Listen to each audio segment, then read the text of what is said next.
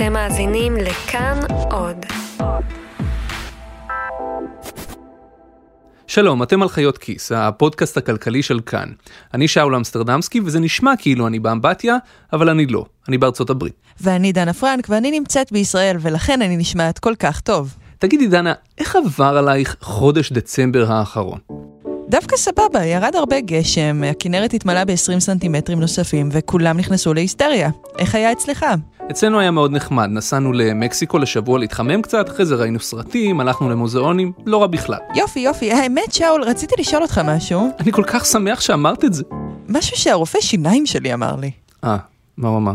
לפני שבועיים הלכתי אליו לבדיקה והוא שאל אותי מה אני עושה, אמרתי עיתונאית כלכלית, הוא אמר, אה, ah, יופי שבאת. השקעתי פעם ראשונה בבורסה ועכשיו היא יורדת. להוציא את הכסף, ולא ידעתי מה להגיד לו, והוא גם בדיוק התעסק לי עם איזה סתימה, אל תשאל.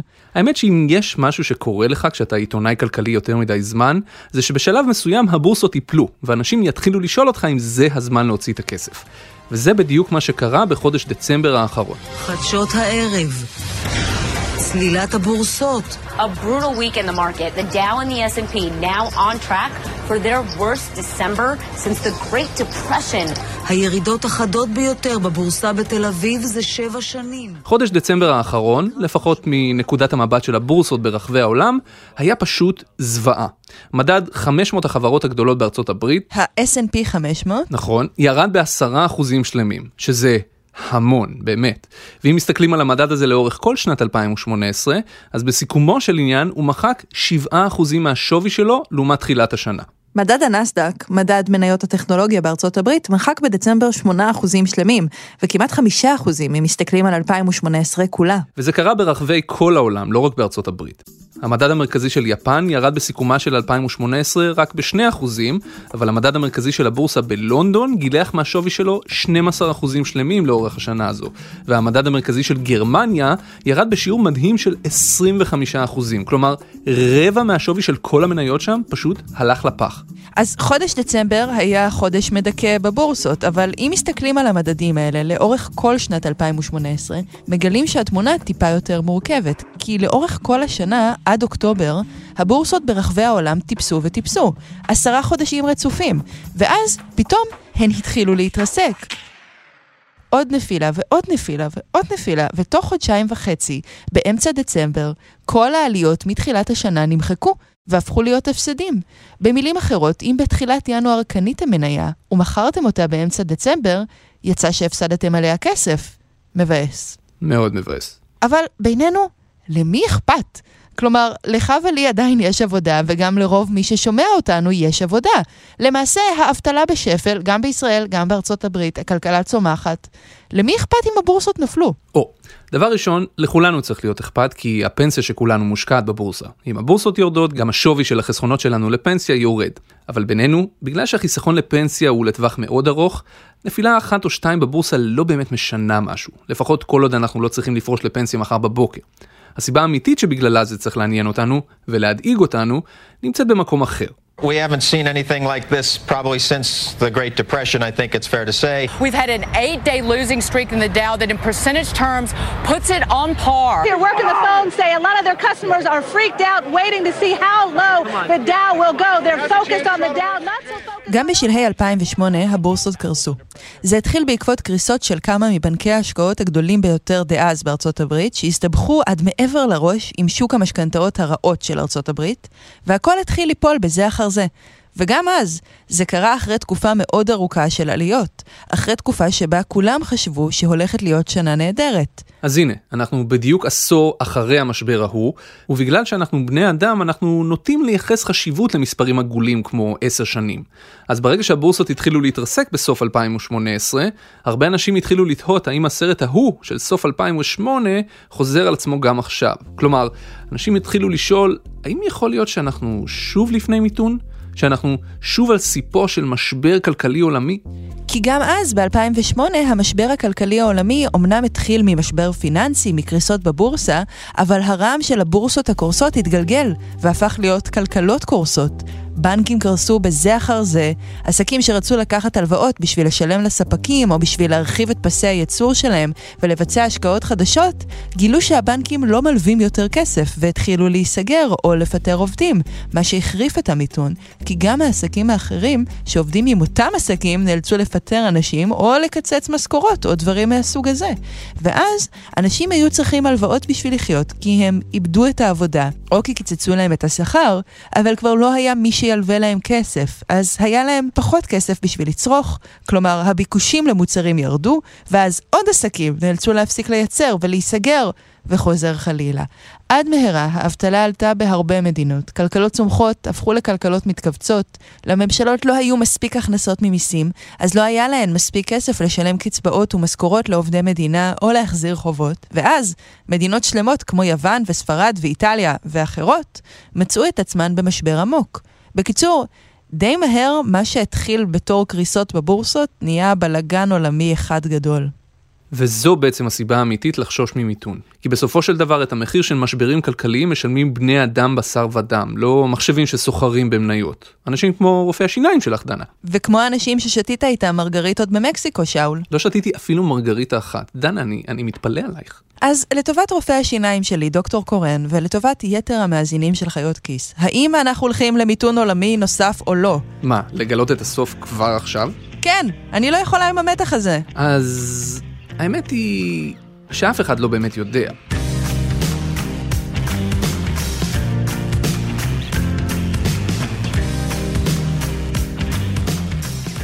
התחנה הראשונה שלנו במסע הזה היא בדירה של For Your Information. For Your Information זה כמובן לא שם, זה יוזר בטוויטר. יוזר בטוויטר שבחודשים האחרונים לכד את עינינו כי הוא הציף לנו את הפיד בנבואות זעם מאחורי שם בדוי. עם ציוצים כמו הייצור נפל בפעם הראשונה מאז יולי 2016. צמיחת הסחר הגלובלי קורסת. יונדאי עוברת להפסד עקב חולשה גלובלית. תחזיות הרווח ל-S&P 500 ירדו באחוז וחצי מתחילת השנה. או במילים אחרות, גם עם For Your Information, לא כיף במסיבות. אפילו בלי להבין כל מדד ומדד שהוא מדבר עליו, כל היתקלות בציוץ שלו צובעת את העולם בצבעים כהים. לפי התחזיות שלו, המיתון לא רק בפתח, הוא ממש מעבר לפינה. וכל נתון שהוא מניח עליו את המקלדת שלו מוכיח את זה. ממצבת העובדים במפעל למכוניות ועד יחס החוב תוצר של סין. אבל מי הוא for your information? שלחנו את צליל אברהם למפקדה שלו, במיקום סודי במרכז הארץ. היי, נעים מאוד. צליל. תודה. אז מפה אתה מפיץ את הנבואות השחורות שלך. יניב, את שם המשפחה הוא ביקש שלא נפרסם, הוא צייצן ובלוגר, ובבלוג ובטוויטר שלו הוא כותב את מה שלדעתו העיתונות הכלכלית לא מכסה באופן יסודי מספיק. פשוט אני מספר את מה שקורה, אני לא ממציא הרי נתונים, אני ניזון מהנתונים שיש. וכרגע המצב הוא שהנתונים הם לא כל כך טובים. במקצועו הוא מנהל השקעות בבית השקעות קטן, מנהל השקעות טוב מאוד, אני חושבת, כשאני נכנסת לבית שלו, ובכל בוקר הוא קם ומתחיל לקנות ולמכור. הוא צריך לדעת מה קורה בכל השווקים, בכל המדדים, כל הזמן.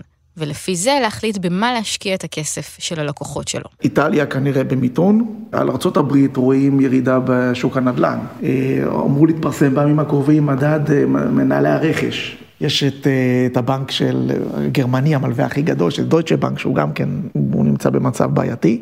גם שר האוצר הגרמני אמר שהוא לא ישן טוב בלילה מהמצב של הבנק. אז הנה בגדול מה שיניב אומר. מאז 2008, ממשלות בכל העולם הורידו את הריבית, והכסף נעשה מאוד זול. העולם לקח את הכסף הזול הזה ונעשה שקוע בחובות, חובות של ממשלות, של חברות, של משפחות. ועכשיו, אחרי עשור של ריבית אפסית, כשכולם ממונפים ככל יכולתם, בנקים מרכזיים מנסים להעלות שוב את הריבית ולא מצליחים. בנוסף, הצמיחה בכל העולם מאטה. יש מלחמת סחר, אי הוודאות מאוד גדולה, ובעיקר הוא חושב שהסכנה הגדולה מגיעה מסין, שמסתבכת עם החוב של עצמה ומתחילה להאט. וכמעט כל הנתונים מסביב, מכל העולם, מצביעים לדעתו שהתזה שלו נכונה. זה הכל נשמע כמו גשם של נבואות שחורות, אבל בואו ניקח רגע צעד אחד פנימה. יניב מזכיר למשל את מדד מנהלי הרכש. זה סקר שנערך כל חודש בקרב מנהלי רכש בחברות במגזר הפרטי ב-32 מדינות. הרעיון שמאחוריו הוא כזה. למנהלי הרכש יש גישה להרבה מידע שלמנהלים אחרים בחברות האלה אין. מתוקף התפקיד שלהם, הם יודעים האם החברה שהם עובדים בה מגדילה את הפעילות שלה וקונה יותר, או מפחיתה אותה. הם גם יודעים אם המחירים שהיא משלמת על סחורות עולים או יורדים, אם החברה מגייסת עובדים חדשים או לא. כל הנתונים האלה משוקללים בסופו של דבר למספר, וכשהמספר הזה יורד, הוא רומז שגם אם נראה שיש צמיחה, מתחת לפני השטח חברות מתחילות להתכווץ. המדד הזה ירד בדצמבר, מ-59 נקודות ל-54 נקודות, והדבר החשוב הוא שהוא ברמה הכי נמוכה שהייתה בשנתיים האחרונות. והנה עוד מדד שיניב לוקח ברצינות, מדד ההפתעות הכלכליות. לא, זה לא מדד שקופץ בכל פעם שאתם מקבלים בדואר צ'ק על עבודה שעשיתם בפרילנס לפני 120 יום וכבר שכחתם, הוא מודד כמה מהנתונים הכלכליים היו גרועים יותר מהתחזיות, וכמה היו טובים יותר. המדד הזה היה יציב בשנתיים האחרונות, אפילו במגמת עלייה, אבל מאז תחילת נובמבר הוא ירד ירידה תלולה של כ-80 נקודות. אני יודעת את זה כי יום למחרת הפגישה עם יניב, צילום מסך שלו מחכה לי בטוויטר, יחד עם לינק לציטוט של פול קרוגמן מהניו יורק טיימס, שצופה שהמשבר הבא יהיה גרוע יותר מהקודם. אז יניב לא יגיד שהולך להיות משבר וגם לא באיזה תאריך, אף אחד לא אומר כזה דבר. אבל הוא אומר את כל מה שמסביב. אני קצת פסימי, אז יש מלא סיכונים, זה נכון שסיכונים תמיד קיימים, זה נכון. רק פשוט הם עכשיו מתגברים, לדעתי, יותר ממה שהם היו בעבר. והדבר שהכי מלחיץ אותו, זה שמנסים להרגיע אותו כל הזמן. כי אתם מבינים, לקובעי מדיניות יש בעיה. הם אופטימיים. אבל כשאתה שומע את, ה... את דוברי הפד, זאת אומרת, את בכירי הפד מדברים. הפד זה ה-Federal Reserve, הבנק המרכזי של ארה"ב. ופתאום הם אומרים, אנחנו נהיה סבלנים ו... וגמישים, ואתה רואה שיש איזשהו לחץ, שבדרך כלל כשאנשים אומרים לך שהכל בסדר, אז אתה צריך להיות, קצת להיות לחוץ. קובעי המדיניות תמיד רואים את הצד הבהיר.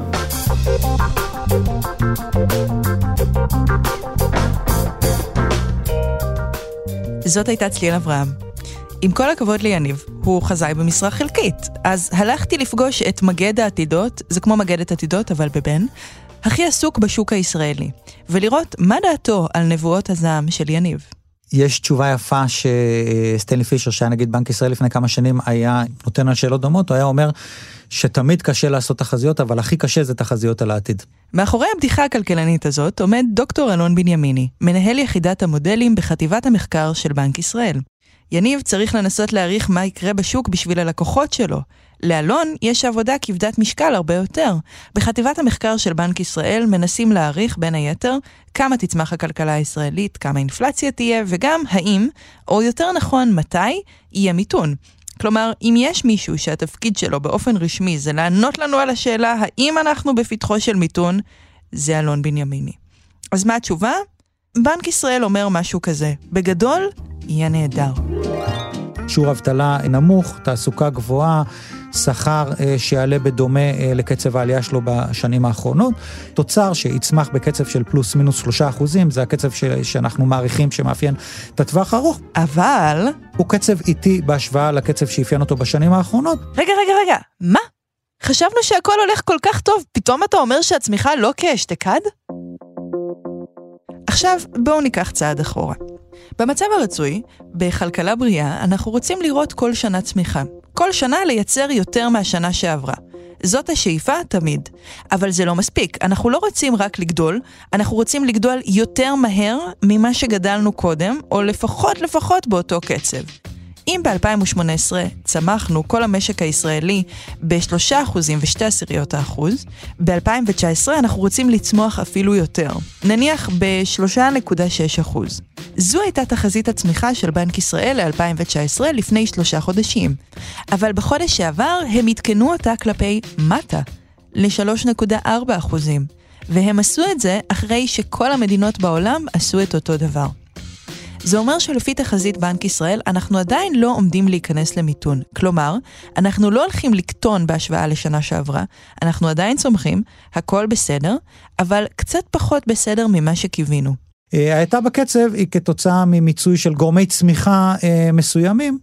ספציפית אני מדבר על שוק העבודה. לפי בנימיני, מצבנו עדיין הרבה יותר טוב משל מדינות אחרות בעולם, כי ההאטה שלנו היא לא כמו ההאטה שלהן. לפי הניתוח של בנק ישראל, אחת הסיבות להאטה שלנו קשורה לשוק העבודה.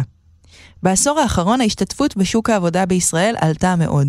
המון אנשים שלא עבדו קודם, נשים ובעיקר אמהות צעירות, חרדים, נשים ערביות, נכנסו לשוק העבודה, וזה הגדיל את הצמיחה.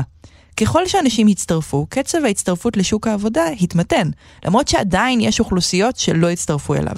בכל מקרה, הירידה הזאת בקצב, משמעותה שמנוע הצמיחה כבר לא מניע את הצמיחה כמו פעם. וזה די מרגיע. זה נשמע בסך הכל לא נורא, אבל זו רק תחזית. ויש בעיה עמוקה עם תחזיות. אם אנחנו משווים לרגע את דוקטור אלון בנימיני לשרון וקסלר, החזאית של כאן, יש ביניהם כל מיני הבדלים. את בנימיני למשל לא הזמינו להשתתף בפרומו לאירוויזיון, אבל בעיקר, אם שרון וקסלר אומרת שירד מחר גשם, ואני, דנה, מחליטה לא לקחת מטריה, הגשם ירד בכל מקרה. אנחנו כגוף שמנהל מדיניות מנסה לחזות האם יהיה משבר או לא. ועצם החיזוי משפיע על המימוש, על התוצאה. לדוגמה, אם אנחנו חוזים אה, משבר, אנחנו ננקוט באמצעים שימנעו אותו, וזה לבד אה, יגרום או למניעה של המשבר או להיחלשות שלו, וזה בעצם יכשיל את המימוש של התחזית. לתחזית כלכלית יש השפעה על איך אנחנו מתנהגים, וגם על איך מתנהגים במוסדות הכלכליים. אם התחזיות אומרות שיהיה מיתון, אנשים ימשכו את הכסף שלהם, או ישקיעו בזהירות רבה יותר, ובאמת יהיה מיתון. להתנהגות שלנו יש השפעה ענקית על הכלכלה. אבל העובדה שתחזיות משפיעות על המציאות היא לא הבעיה הכי גדולה איתן. יש בעיות חמורות הרבה יותר. בחודש דצמבר האחרון פרסם מגזין האקונומיסט כתבת אינפוגרפיקה מרהיבה. הם לקחו בסיס מידע ענק של 100 אלף תחזיות, כל תחזיות הצמיחה שפורסמו ב-15 מדינות גדולות בין 2000 ל-2017, ובדקו את מידת הדיוק שלהן בדיעבד. הממצאים היו מדהימים. כשאנחנו מדברים על תחזיות שנעשות לטווח קצר יחסית, של שלושה חודשים, החזאים לרוב קולעים לא רע, כשמדובר בצמיחה. כשהתחזית שלילית, או כשאנחנו מתחילים להגדיל את טווח התחזית, כלומר, שהם נדרשים לחזות לטווחים של חצי שנה, שנה, שנה וחצי, או יותר, הם מפספסים בענק. עד כדי 1.3 אחוז. זה המון. זה כמו להגיד שהכלכלה תצמח ב-2 אחוזים, כשלמעשה היא תצמח ב-7 עשיריות האחוז. הבדיקה של האקונומיסט העלתה שלפני תקופות מיתון, הטעויות של החזאים, כלומר המרחק של התחזיות שלהם מהאמת, הוא כזה שאם הייתם בוחרים תחזית צמיחה אקראית, כל מספר בין מינוס חמישה אחוזים לפלוס שישה אחוזים, באותו זמן שהתחזית ניתנה, הייתם צודקים או טועים במידה דומה. ודוקטור בנימיני אומר שזה בלתי נמנע. תחזיות על תקופות משבר מועדות במיוחד לטעויות, כי משבר בהגדרה הוא מה שאי אפשר להתכונן אליו. אני חושב שדוגמה מעניינת היא המשבר של 2008 ומה שקרה בעקבותיו. הטעות הראשונה היא כמובן עצם החיזוי של, של המשבר עצמו בעולם, לא רק אצלנו אלא גם בעולם. ברור שמשבר בעוצמות האלה שקורה פעם במאה שנה, הוא קורה בגלל איזשהו כשל שאם הוא היה אה, צפוי, הוא היה נמנע. אז עצם, עצם הקיום של המשבר, ברור שלא היה צפוי, במובן זה הייתה טעות לא רק לנו, לכולם. מה שמעניין בעיניי בעבודה של דוקטור בנימיני, זה שהוא חי עם הטעויות בשלווה שמתאימה יותר לנזיר בודהיסטי מאשר לכלכלן עם תעודות. מה שמטריד אותו באמת, זה לא העובדה שהוא מועד לטעות, אלא עד כמה המציאות שהוא רואה לנגד עיניו, התופעות שהוא מזהה, יכולה להיראות אחרת לחלוטין, בעיני כל אחד מהקולגות שלו. מה שיותר מפתיע פה זה פחות הטעויות שקורות בדיעבד, אלא יותר, אה, אני לפחות באופן אישי מופתע הרבה פעמים מהבדלי קונספציה. אה, מהבדלי תפיסה, מהבדלים בתחזיות עצמם או מהבדלים בפרשנות שאנשים שעובדים באותו מקום ורואים את אותם נתונים ומכירים את אותם תיאוריות, הבדלים אה, בפרשנות בכל זאת שיש בין האנשים מפתיעים אותי. מה שדוקטור בנימיני מנסה להסביר לי, זה שלחזות את הכלכלה זה קצת כמו לנהוג ולראות רק את המכונית שנוסעת לפניך. יכול להיות שזה נראה כאילו המכונית מאטה, אבל אתה לא יכול לדעת בוודאות למה. אולי זה כי יש פנייה בכביש שאנחנו עוד לא רואים, או אולי אפילו בור בכביש. אבל בזמן אמת אנחנו לא יודעים לאן הדרך מובילה. אנחנו יכולים רק לנסות לקרוא את הסימנים, ולהיערך בהתאם.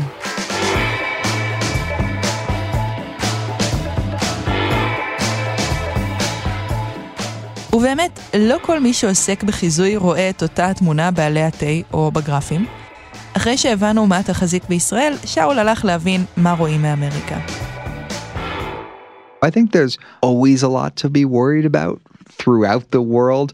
There may be a little bit less to be worried about now Than there was, you know, five, six, seven years ago. זה ג'ייסון פורמן. Jason Furman, professor of practice, Harvard Kennedy School, and I was chairman of the Council of Economic Advisors under President Obama. עד לפני שנתיים הוא היה היועץ הכלכלי הבכיר של נשיא ארצות הברית ברק אובמה. למעשה הוא הלך יד ביד עם אובמה עוד מתקופת קמפיין הבחירות שלו. ומיד לאחר הבחירות, כשהיה רק בן 38, בגילי, הוא התחיל לעבוד עם הצוות של הנשיא הטרי על תוכניות להתמודדות עם המשבר הכלכלי שהיכה אז במלוא עוצמתו. תחשבו על זה, ממש בימים הראשונים של העבודה, זה מה שאתם צריכים לעשות. הוא מתאר את זה בתור חוויה מטורפת. It was just insane and overwhelming in every way because you have a massive crisis hitting and it's right between two administrations. So one group of people is on the way out. We would בהמשך הקדנציות של אובמה, פורמן התקדם והתקדם בשורה של תפקידים כלכליים בבית הלבן, עד שהתמנה ליועץ הכלכלי הבכיר ביותר.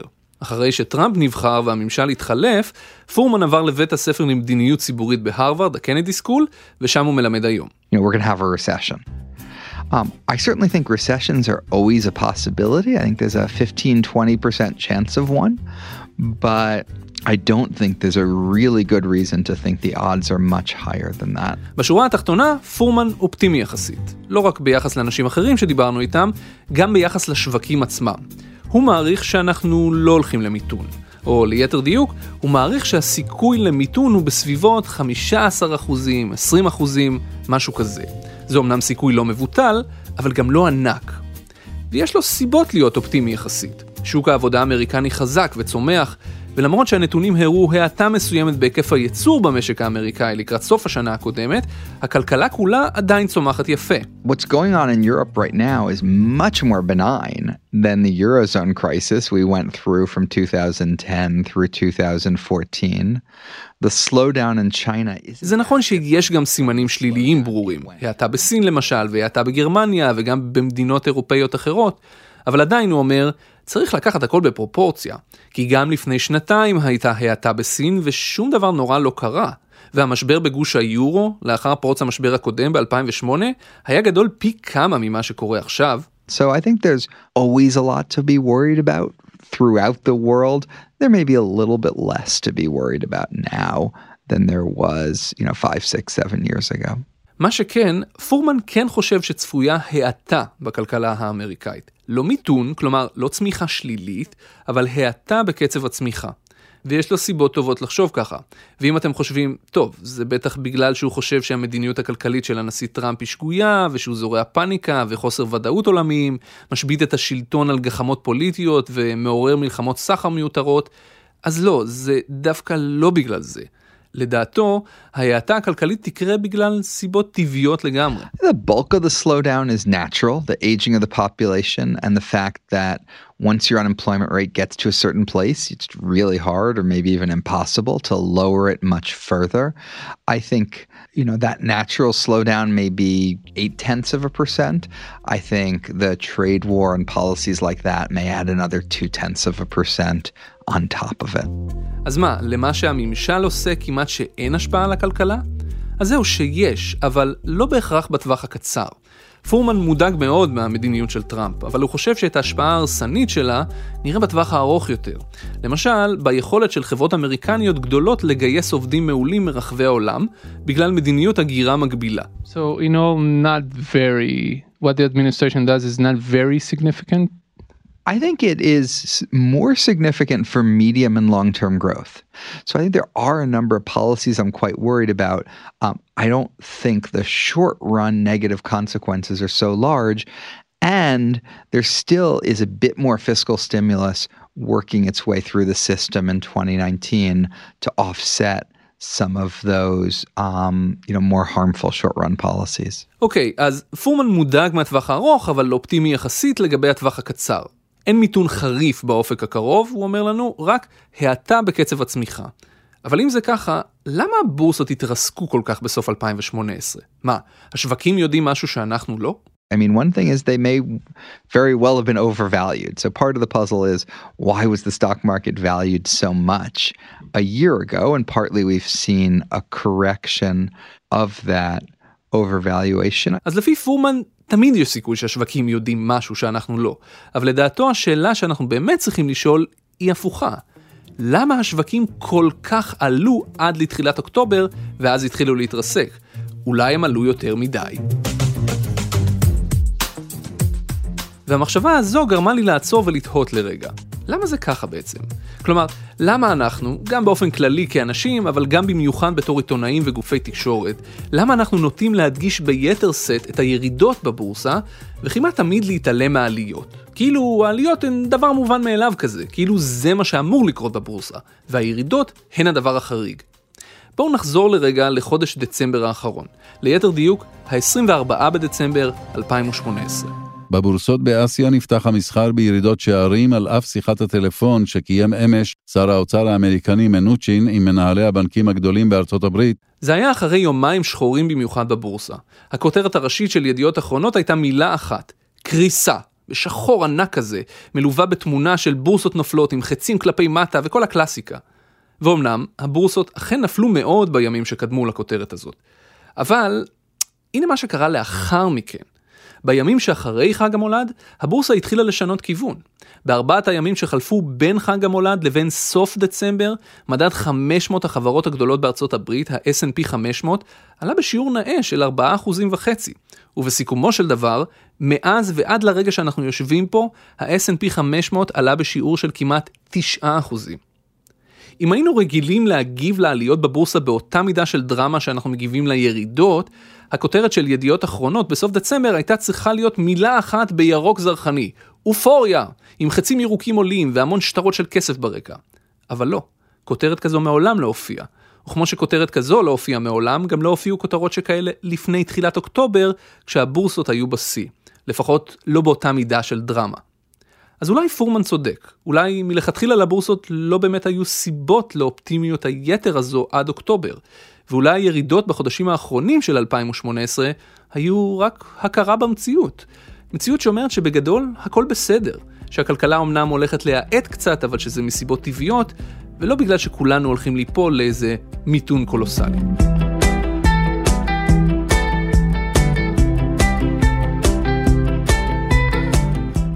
אחד הדברים שאני הכי אוהבת בקבוצה שלנו בפייסבוק, חיות כיס, זה הזמן להצטרף, זה שפעם בכמה ימים מצטרף מישהו חדש ושואל אם אנחנו הולכים לקראת מיתון, והתשובה היא שאנחנו לא יודעים, ולעולם לא נדע, כי גם טובי החזאים לא מצליחים להעריך מראש כל כך טוב.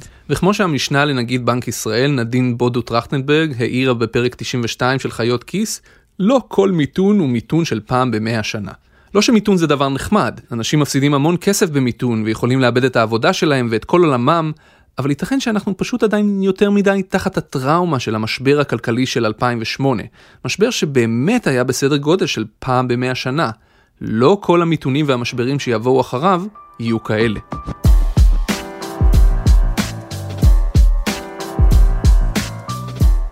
את הפרק הזה הפיק רום אטיק שגם ערך אותו. בעריכות ובהכנת הפרק הזה השתתפה גם צליל אברהם. על הסאונד אסף רפפורט שלקח שני אנשים שדיברו זה עם זה משני הצדדים של האוקיינוס האטלנטי, אחד מהם מתוך ארון, וחיבר אותם יחד בשביל שאתם לא תרגישו. כל הפרקים של חיות כיס זמינים להאזנה איפה שאתם רגילים למצוא פודקאסטים. אם אתם אוהבים את חיות כיס, זה הזמן לבחור את הפרק האהוב עליכם ולשלוח אותו לחבר או לחברה, בשביל שנוכל להתרחב לעוד ועוד אנשים, ובסופו של דבר, לכבוש את העולם. תודה שאול אמסטרדמסקי. תודה דנה פרנק, וכרגיל, תודה רבה לכם שהאזנתם.